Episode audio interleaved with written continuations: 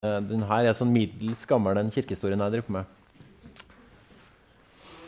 Uh, og i dag så er det katolsk reform som er tema.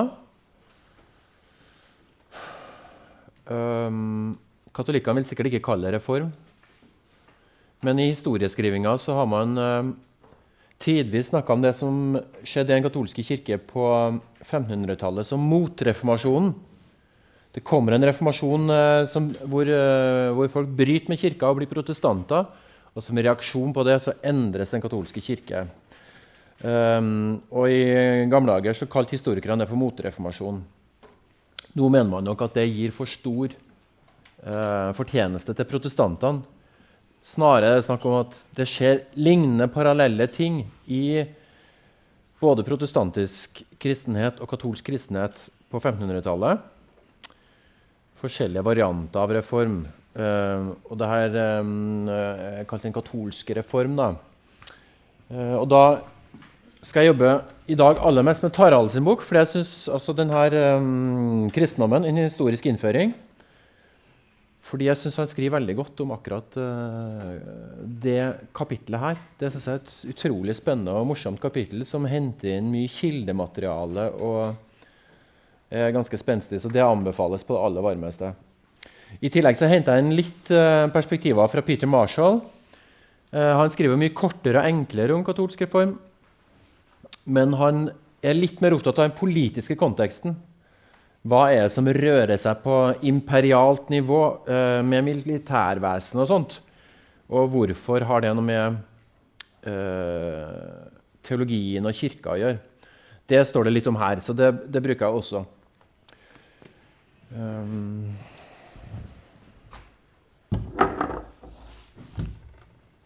så da tenkte jeg vi snakker første eh, time mest om eh, katolsk reform litt sånn overordna. Og så snakker vi i andre time om Ignatius og jesuittene.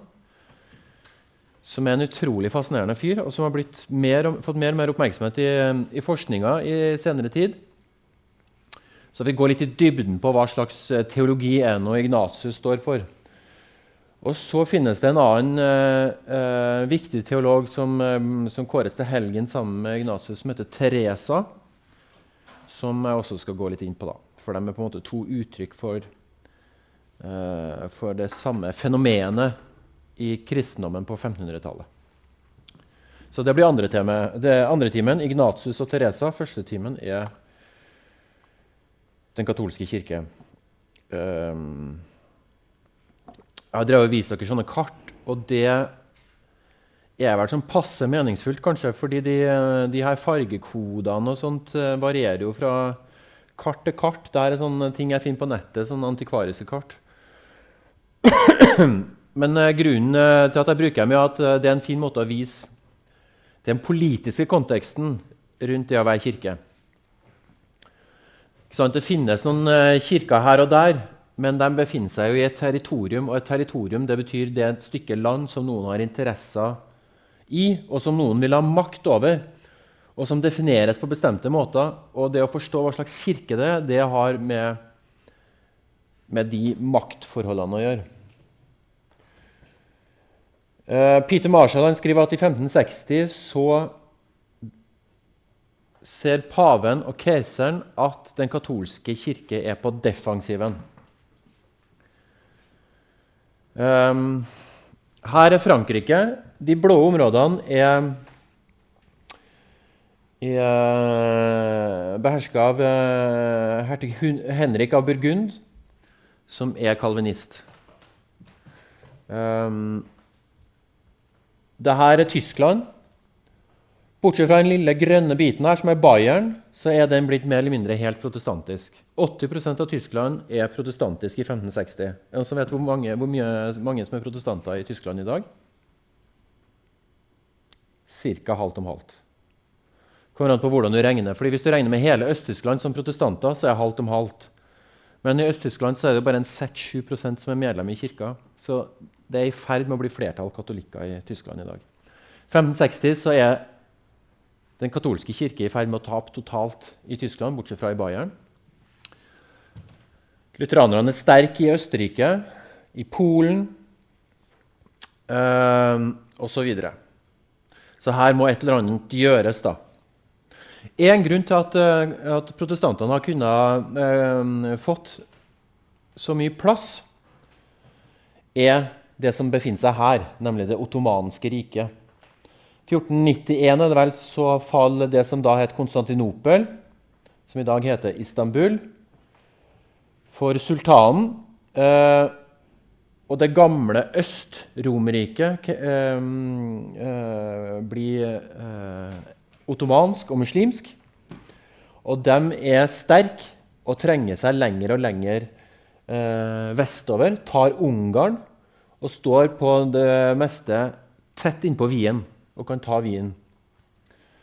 Uh, her uh, beherskes uh, landområdene. Dette er også gamle Vest-Romerriket, Nord-Afrika. Som nå beherskes av en annen sultan og er muslimsk. Og som har hatt overherredømme over deler av Spania. de kristne kongene vinner tilbake Spania på 1400-tallet, men Nord-Afrika er fortsatt muslimsk. Så det er slag og trefninger i, eh, skipsfarten. Det er stadige trefninger militært her.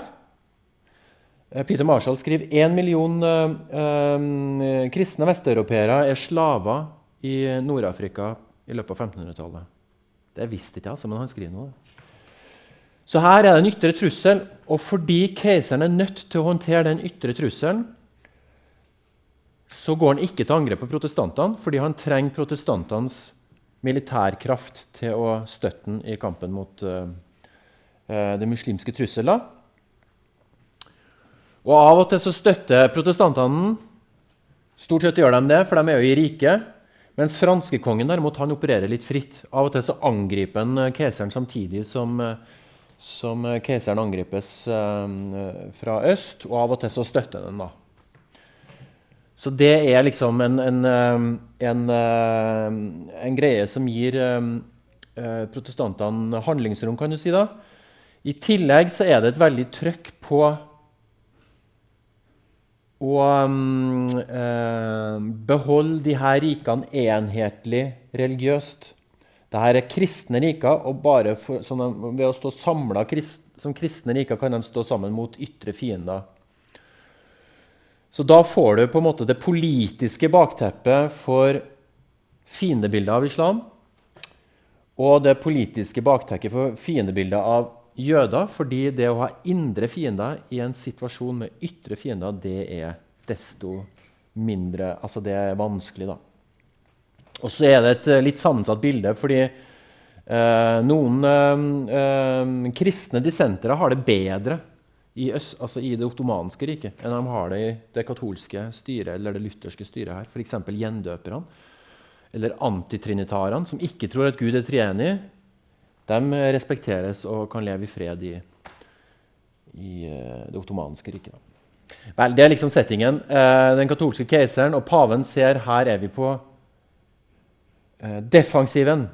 Vi taper. Så hvis man går frem til 1620, så er bildet endra. Um, ehm, da er det de hvite og gule områdene her, de er luthersk. Um, de her områdene er kalvinsk. Og de her områdene er luthersk. Så det her er, fra, uh, det er kartet fra 1648, så det lyver litt fordi på 1640-tallet så går jo svenskekongen til angrep på riket og vinner alt det her som er brunt, det er svensk, da, fordi han, Gustav Adolf er jo en mektig hærfører og vinner tilbake mye sånn eh, luthersk mark her. da. Uh, men 1620 så står katolikkene enda sterkere enn de gjør her. Um, Østerrikske riket er helt katolsk. Italia selvfølgelig og Spania som alltid har vært det, men Frankrike der er hugenottene overvunnet. Det fins bare katolikker der. Uh, det her er jo protestantisk, da, men det har det nå vært hele veien. Og um, den kalvinisten er demma opp i Nederlandene ved at Nederland er delt i et uh, selvstendig Nederland uh, her og et Nederland som hører til det keiserlige krongodset her, som er Belgia, og som er katolsk. Um, så spør um, uh, Så spør Altså det um, Jo, Peter Marshall spør hvorfor. hvorfor hva er det som ligger mellom de her to uh, årstallene?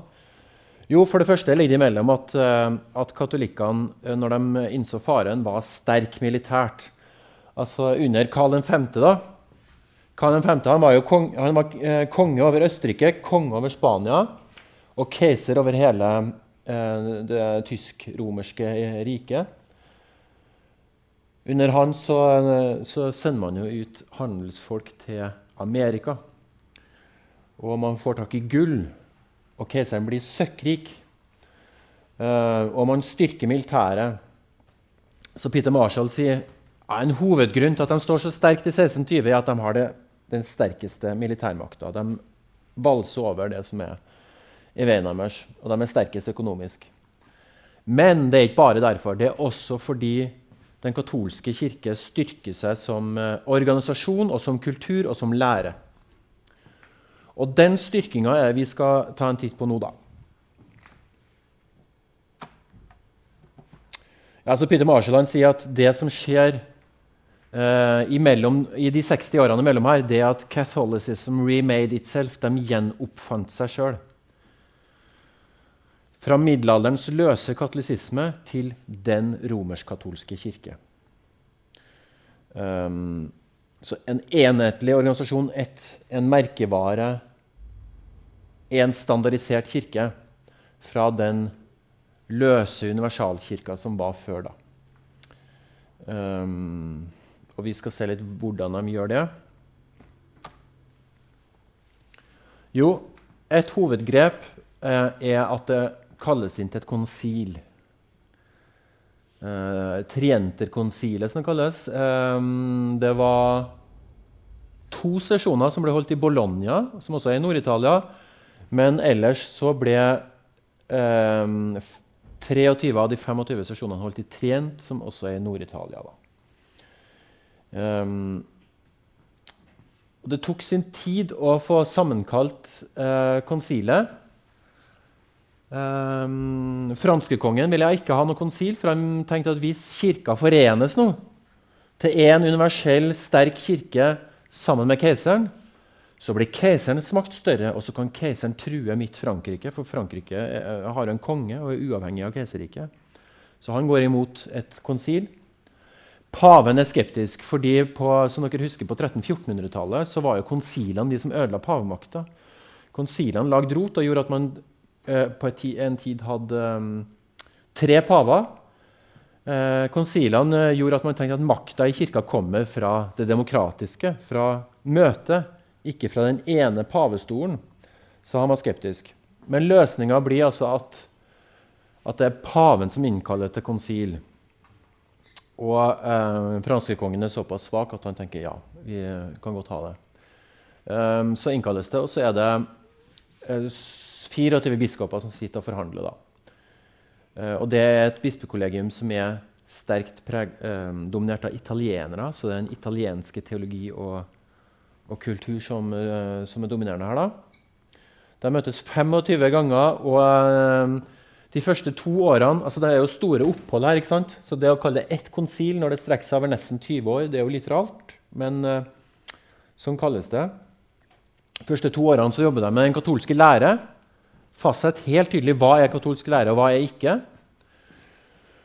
Og siden jobber man med reform. Få en slagkraftig organisasjon, hierarki, struktur. Og det som ikke er tema her, er protestantene. Protestantene, når de eh, angripes av keiseren, eh, og det er riksdager, sånn, så sier de ja, men sånn er vår bekjennelse. Det er jo den sanne kristendom. Nei, nei, det her er ikke uh, sann kristendom. Det her er vranglære. Jo, men uh, da må vi ha et konsil da, hvor det kan avgjøres. Så protestantene har krevd konsil hele veien. Men det vil de ikke ha som tema her, for det vil være å innrømme eh, protestantene eh, rett i at dette er et viktig tema, at de ikke er vranglærer, og at konsilet er, dem, er, det som har myndighet til å bestemme rett lære, ikke paven. Så Derfor så velger de å ikke ha de protestantiske vranglærerne som tema, men likevel så utformes jo den katolske lære på en måte som kommer i rette med alle protestantiske innvendinger. Da. Alle angrep som har kommet både fra Calvin og Luther og rundt omkring. Så det skal vi se litt på nå. Og hvis dere kjenner igjen fra, Nå skjønte jeg at mange av dere har begynt å jobbe med de oppgavene her allerede. så da kan dere det sikkert. Da må dere rekke opp hånda og stille spørsmål og komme utfyllinga og sånn da. Eh, Tarald sier det første man tar tak i, er læren om troens autoriteter. Eh, når eh, Luther eh, slo opp tesene sine om avlaten, så var det én ting å diskutere avlaten og bot og sånn. det kunne man gjøre, Men spørsmålet ble ja, hvordan kan du hevde at det er sant? Og du hevder at det er sant. Paven sier at dette er rette læra. Så sier Luther nei, men eh, paven tar feil. Jo, men hvor har du det fra? Hva er liksom premisset ditt og fundamentet ditt for å hevde sant og galt i teologien? Og da er det Luther kommer til at det er Skriften alene. Hvis det står i Bibelen, så er det sant, og da må alle andre myndigheter bøye seg under det. Jo, men eh, Skriften må jo fortolkes. Du må ha en fortolkningsmyndighet. Nei. Skriften er klar og er sin egen fortolker, sier Luther. Um, som svar på det her så sier de nei. Den sanne kristendom hevder ikke Skriften alene, men Skrift og tradisjon. Um, Skrift og tradisjon det er, jo et, eh, altså er jo et helt innlysende sant prinsipp. må man tenke, fordi Hva er noe forskjell på skrift og tradisjon? Altså, uh, Jesus snakker, ikke sant? og så er det noen som skriver det ned, og så er det noen som uh, fortolker det, og så forandres lesninga. og så? Skrift og tradisjon henger jo sammen. Men det er ikke den måten man definerer skrift og tradisjon i Trienterkonsilet. I Trienterkonsilet sier man at det finnes to adskilte overleveringer. Det er ikke Skriften som skrift og tradisjon, men det er Skrift øh, som det som er forbundet med Bibelen, og tradisjon som, egen separat øh, som en egen separat autoritetskilde. Og Det formulerer han på følgende måte ved å si at sannheten finnes både i skrevne bøker og i uskrevne overleveringer. Så én ting er eh, det man har fra Kristus. Det står jo i Bibelen. ikke sant? Så kan man tenke seg at Det finnes også ting fra Kristus som er i, i eh, muntlige, i, ja, muntlige kilder, ikke sant? overlevert uten at det kommer ned som skrift. Men det er ikke bare det de mener, de mener også det som er diktert av Den hellige ånd. Det betyr det kommer stadig ny autoritet eller nye autoritative innspill inn i kirkas lære. Og den kommer eh, diktert av Den hellige ånd. Og De to kildene må likestilles. Um,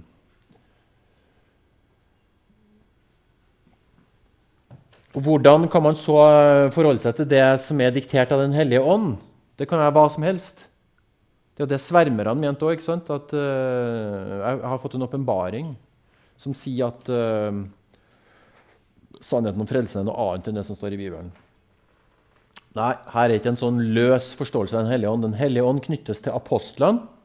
Dere husker på, Hvis dere har lest teksten i apostelgjerningene om første pinsedag, så sendes Ånden over apostlene.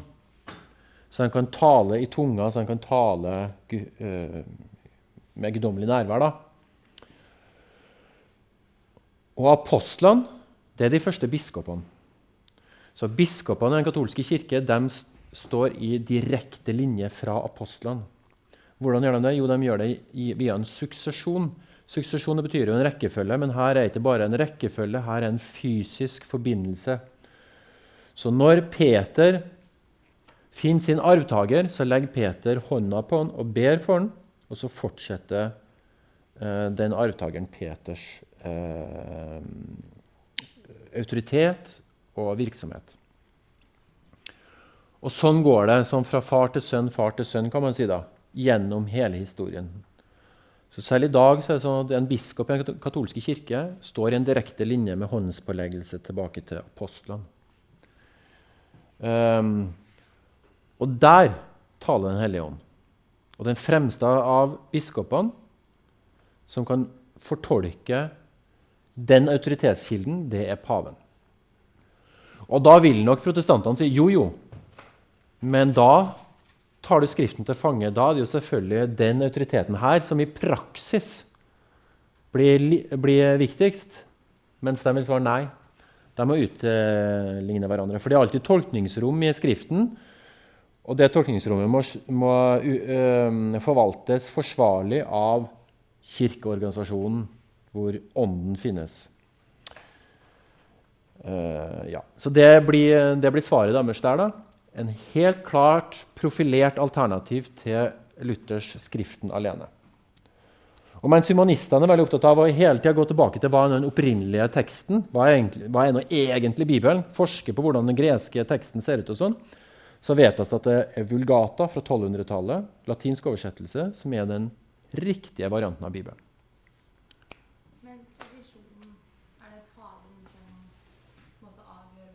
Ja, ved tvils. Han har makt når det gjelder tradisjonen. Men Mm. Frem- av Bibelen, da?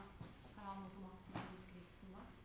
Eller er det Ja, det vel det eh, lutheranerne vil eh, innvende mot det her. da.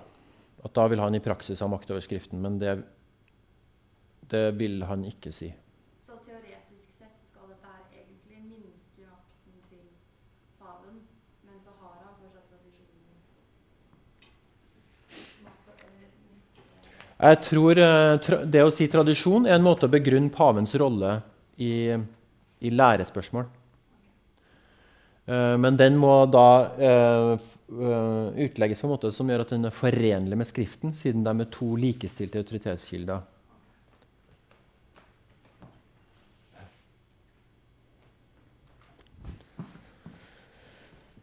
Så det andre skriftspørsmålet er læren om frelse.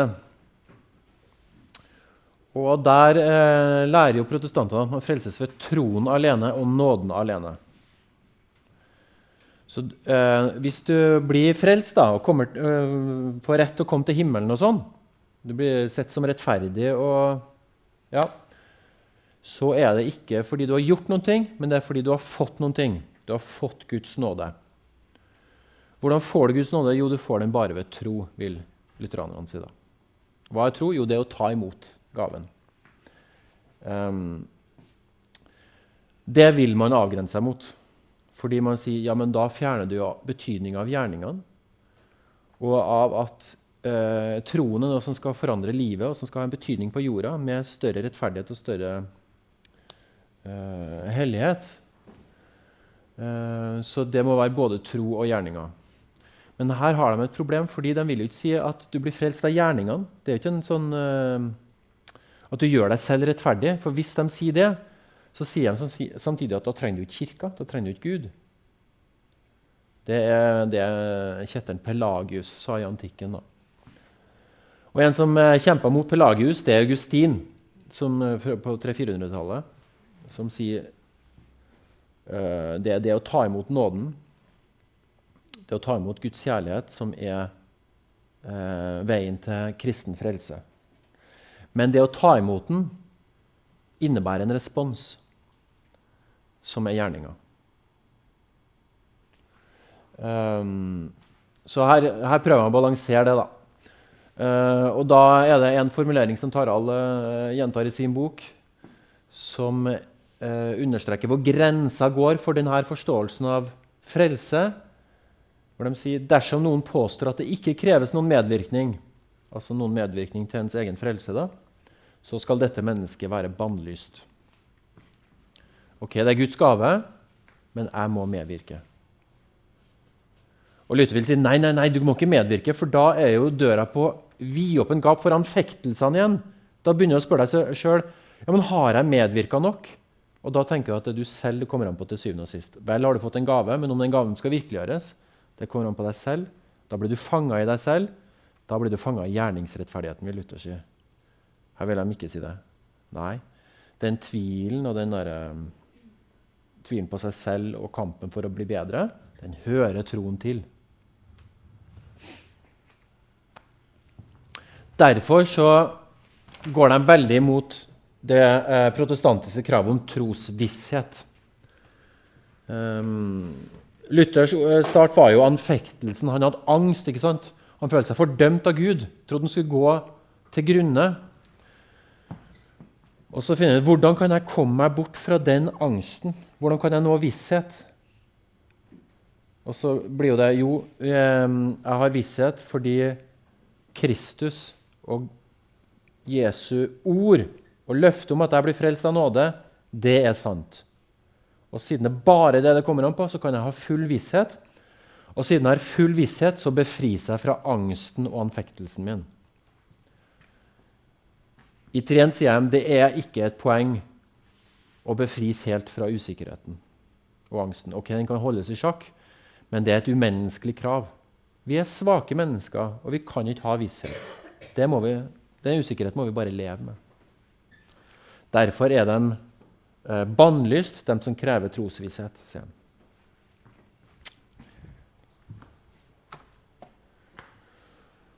Det var lære eh, En sånn kjapp gjennomgang av highlights i lærevedtakene. Institusjonsreformen er nesten like viktig fordi den gjør eh, den katolske kirke til en effektiv eh, organisasjon som kan eh, eh, spre den, den, katolske lære og den katolske kultur.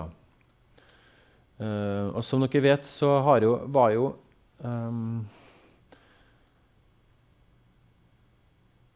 Altså når Den katolske kirke var så ekstremt integrert i um, det politiske og kulturelle liv i Europa som den var, så Eh, ble jo også oppmerksomheten til de som jobba i kirka, litt ymse. Eksempelvis det at bispeembetene gjerne ble kjøpt av adelsfolk fordi eh, det var store, flotte eiendommer. Eh, så hvis du hadde en eh, sønn som arva et eh, grevskap for eksempel, eller et hertigdømme, og så hadde en litt yngre sønn som ikke kunne arve, ja, så kjøpte du et bispedømme til han. Så fikk han bli biskop i stedet for. Og Da har du en slags adelsstilling likevel. ikke sant? Og Det man da ofte ender opp med, er jo at man har en bispestol, men man bor der ikke. Man, tar, man får bare inntektene av det bispedømmet. Fordi et bispedømme sitter jo på enorme mengder jord ikke sant? og kan skattlegge bøndene som er innenfor et bispedømme. Da. Så det som innføres nå, er residensplikt. Hvis du skal være biskop, så må du bo i bispedømmet ditt. Og når du bor i bispedømmet ditt, så må du også være tilgjengelig for alle utfordringer og plager og, sånn, og ledelsesoppgaver eh, som finnes til det å være en leder for prestene og, og kirka i det området. Um, og De spanske biskopene som var til stede i Trient, sies det, de var veldig opptatt av at dette skulle gjennomføres med hard hånd og være en, eh, defineres som en guddommelig lov, at man må bo i bispedømmet sitt. Mens de italienske biskopene altså I Italia så var det jo veldig mye flotte adelsfamilier som satt på de fineste bispesetene. Eh, de var skeptiske. De sa ok, vi går rundt på det, men det er en menneskelig lov. Den kan forandres. De må bo der, og så er de pliktige til å holde synoder. Det betyr møter med alle prestene i eh, bispedømmet. Og de er pliktige til å gjennomføre visitaser. Visitas det betyr besøk, men det er et system hvor biskopen drar på besøk til menighetene og sjekker at prestene gjør det de skal. Og sjekker at folk lærer det de skal, og at ting går vel og bra. Og Det er jo ikke noe de finner opp i Trient. Visitatsystemet er eldgammelt fra oldkirka, men de som gjenoppdager visitatsystemet, det er protestantene.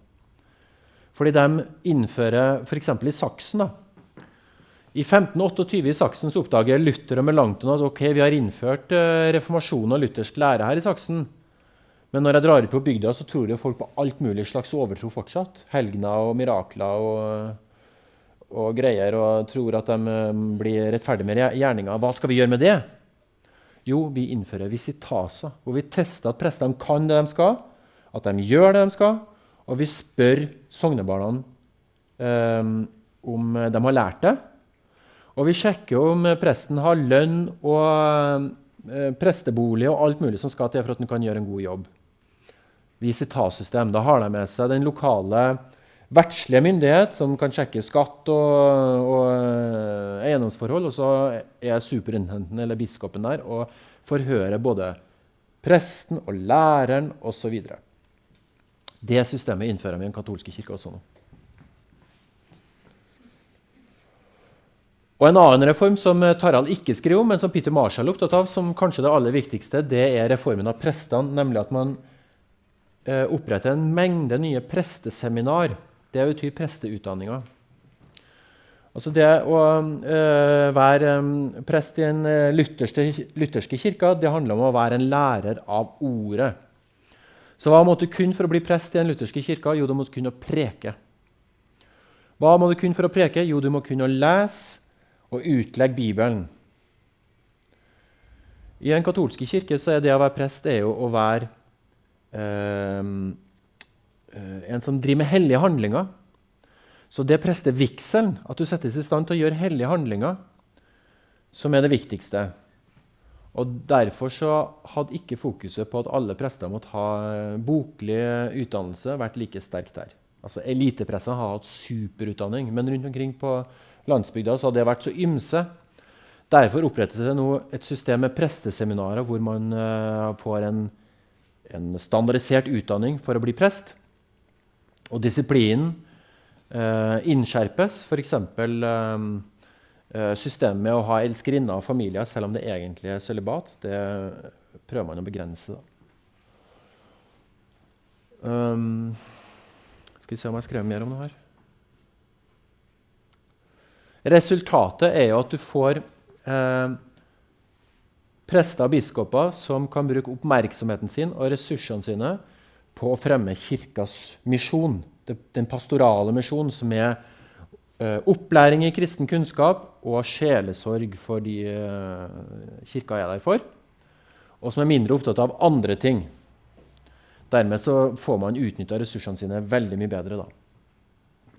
Det er jo fortsatt sånn at Sølibatet er en ting er det religiøse ved sølibatet, men det er jo en utrolig effektiv måte å ha um, altså Hvis du som arbeidsgiver har ansatte som ikke trenger lønn, for de har ingen å forsørge, og som ikke trenger arbeidstid, for de har ingen de skal hjem til, så har du en effektiv organisasjon.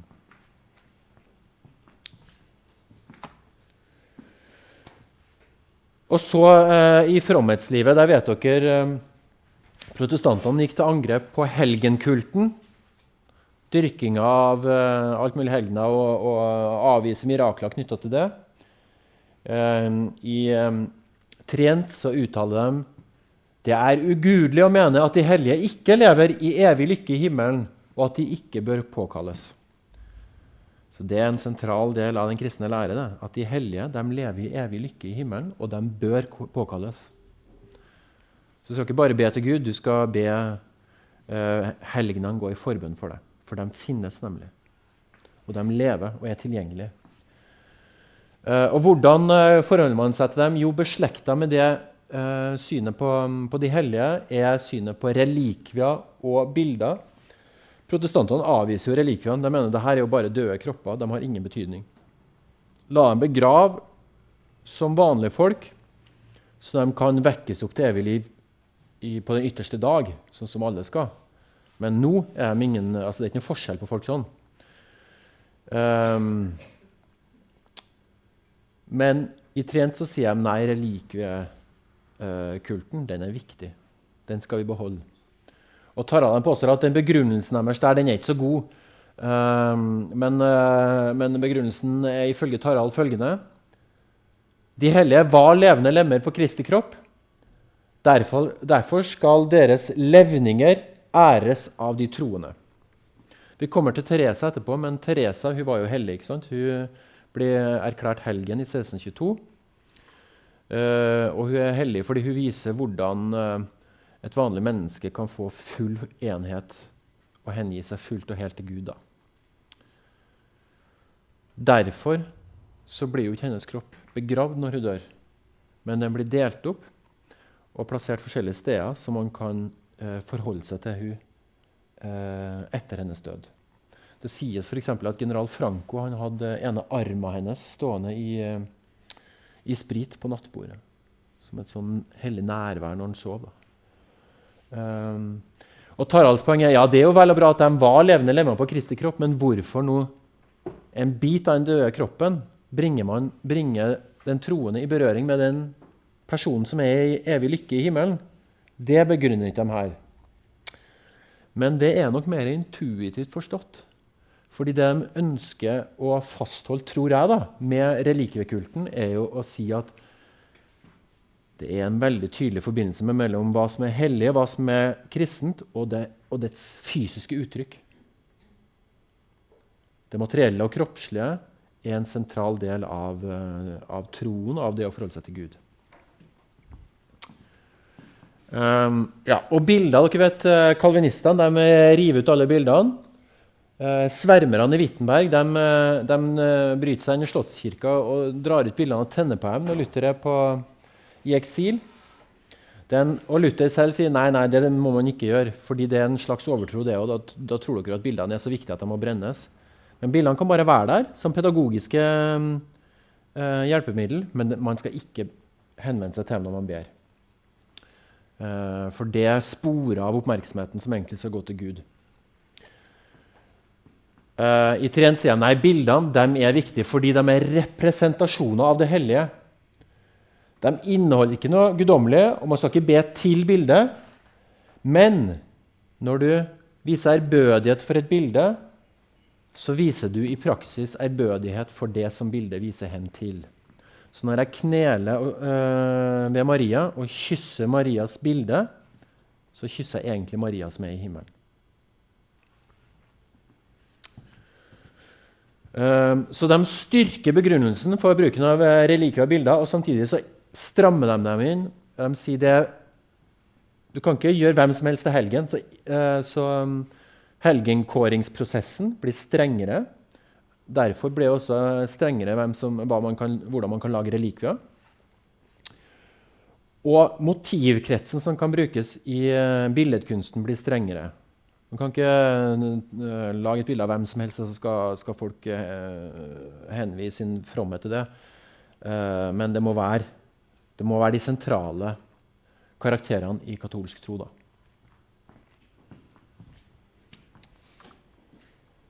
Ja, og så nattverdfromheten. Det var jo, eh, altså nattverden, eh, Vi snakka så vidt om eh, krangelen mellom Luther og Zwingli om nattverden sist. Hvor Zwingli sier det her er bare brød og det her er bare vin. Og Grunnen til at det er nattverd, er at når vi drikker vanlig brød og vanlig vin samtidig som vi leser fortellinga om skjærtorsdag, så husker vi på Jesus og alt det Jesu fortelling betyr for oss. Mens Luther sier nei når vi spiser og drikker vinen i, sammen med de ordene, så blir Jesus nær oss på en bestemt måte.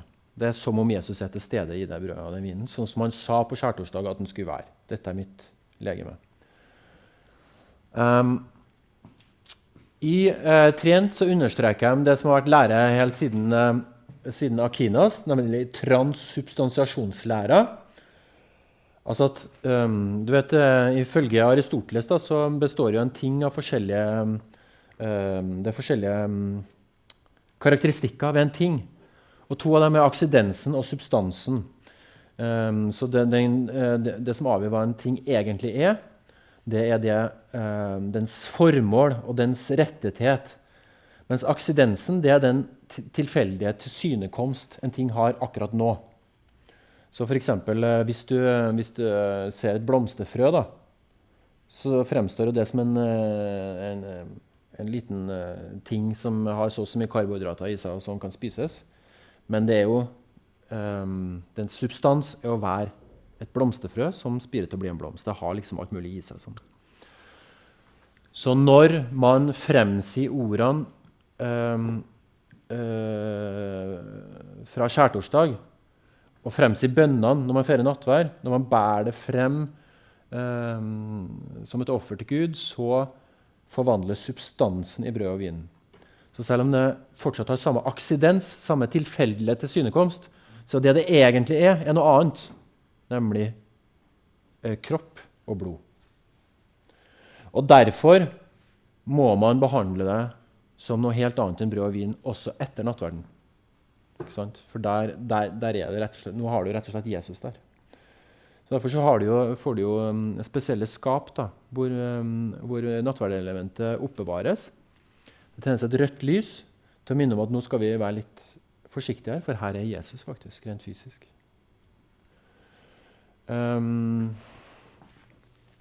messen er en gjentagelse av Kristi offer. Kristus kommer nærværende som den som dør for oss. Um, uh, og som sådan er en effektiv og kraftfull som mirakel, ikke bare som tilegnelse av, av Jesu fortelling og, og, og, tilgivelse, og sånt, men som et hellig nærvær. Så Derfor så kan den feires ikke bare for de som er til stede, men den kan feires for ja, f.eks. hvis uh, hvis jeg har vært en uh, trasig synder da, og skal dø, så gir jeg f.eks. en million til St. Dominikus kloster for at de skal feire messe for meg en gang i måneden i 100 år. Og Da tenker de på meg og nevner meg og ber for meg samtidig som de feirer messe. Og da kommer det meg også til gode, selv om jeg ikke er der. Så kraftfull er, den, er det miraklet. da. Så det fastholdes og tydeliggjøres som lære. Og en måte å fastholde og gjøre det eh, forståelig for folket, er innføringa av Corpus Christi-festivalen. Som også har vært en festival som har vært vanlig før også, men som nå blir påbudt som en obligatorisk fest. Corpus Christi-festivalen betyr at du tar ut um, en konsekrert hostie, altså en, um, en nattverdoblat, en stor sånn, uh, som du bærer i prosesjon rundt i byen. For der er Jesus. Og så kan man også forholde seg til det hellige nærværet. Ikke bare ved å spise det, men ved å se det. Du får del i Jesus ved å se hostien. Så Det er Korpus Christi-festivalen som blir en sånn viktig katolsk markering i mange byer som sier at dette er en katolsk by. Sånn tror vi. Og Tarald sier da at mens eh, protestantene er opptatt av å bringe det hellige ord ut til folket og til alle, så bringer katolikkene hellig kropp ut til alle og til folket.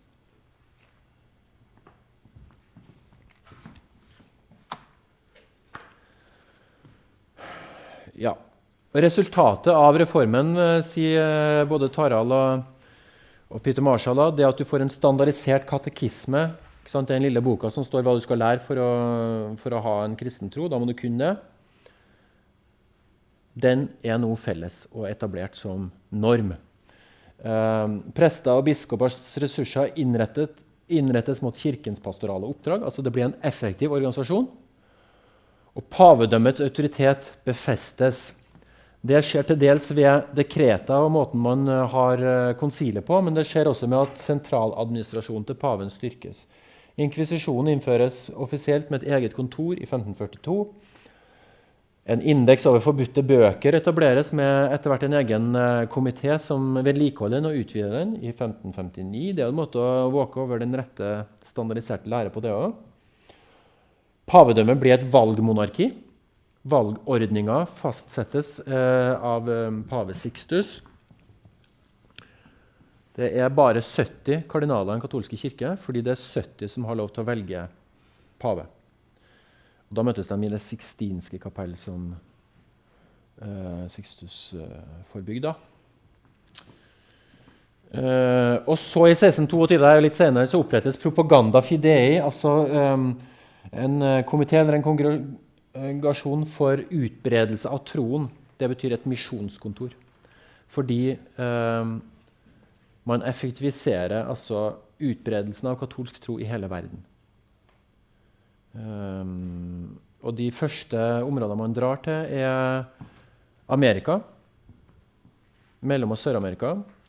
Mexico er det første landet tror jeg, som, som uh, blir katolsk. da.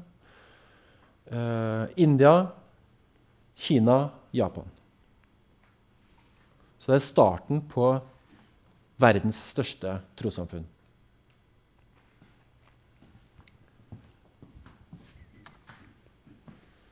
Skal vi ta kirken og barokken i neste time? eller? Ja, Vi må ha et spørsmål først. Ja, det var pastor. Pa pastor er, kommer av um, av latin og betyr hyrde. En pastor altså en som passer på sauene. Så det er en leder for flokken. Så det er, er um, omsorgen for kirkemedlemmene. Og den omsorgen består til dels i opplæring og forkynnelse. Til dels i sjelesorg, altså trøsting og sånn, og fattigomsorg.